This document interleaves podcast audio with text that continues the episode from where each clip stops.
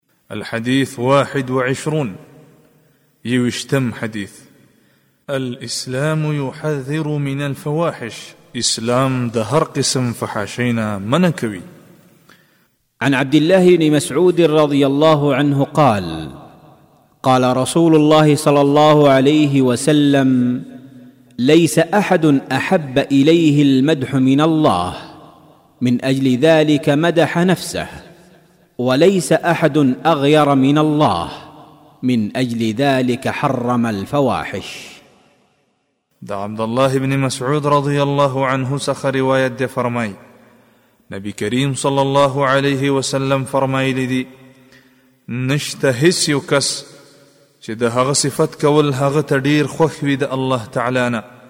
د دې د وجنه الله تعالی خپل صفت بیان کړي او د الله تعالی نه ډیر غیرتی هیڅوک نشته دی د دې د وجې نه الله تعالی فاحش کارونه حرام کړي د دې حدیث دراوی پیژندنه مخکې په دریم نمبر حدیث کې ذکر شوی ده او دا حدیث امام مسلم او امام بخاری په خپل صحیحینو کې ذکر کړی دی من فوائد هذا الحديث د دې حدیث د فوائد څخه اول الله تعالی خوخوي چې بنده د هغه صفت او حمد وکړي او د هغه اطاعت عبادت او ذکر وکړي نو مؤمن بنده لره باید د چې په دې ټولو باندې عمل وکړي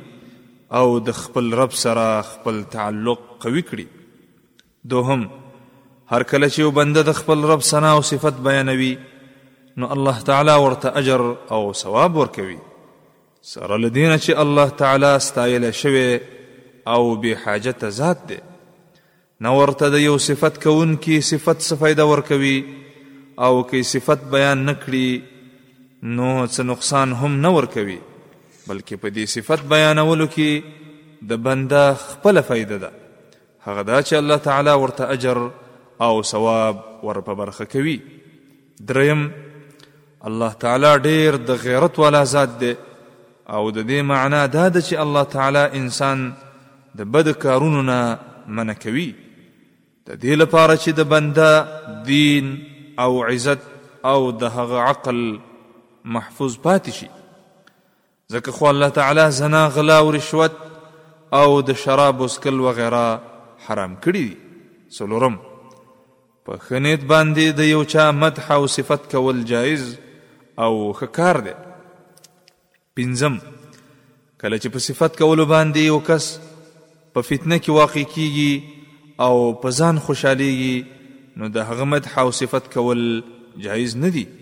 او په همدې باره کې نبی کریم صلی الله علیه وسلم فرمایلی دي اذا رأيتم المداحين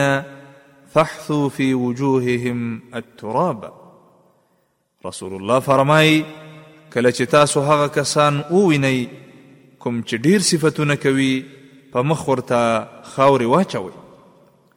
او هغه کس چې د هغه د صفت کولو د وجې نه هغه په فتنه کې نه واقع کیږي نو د هغه صفت کول جایز دي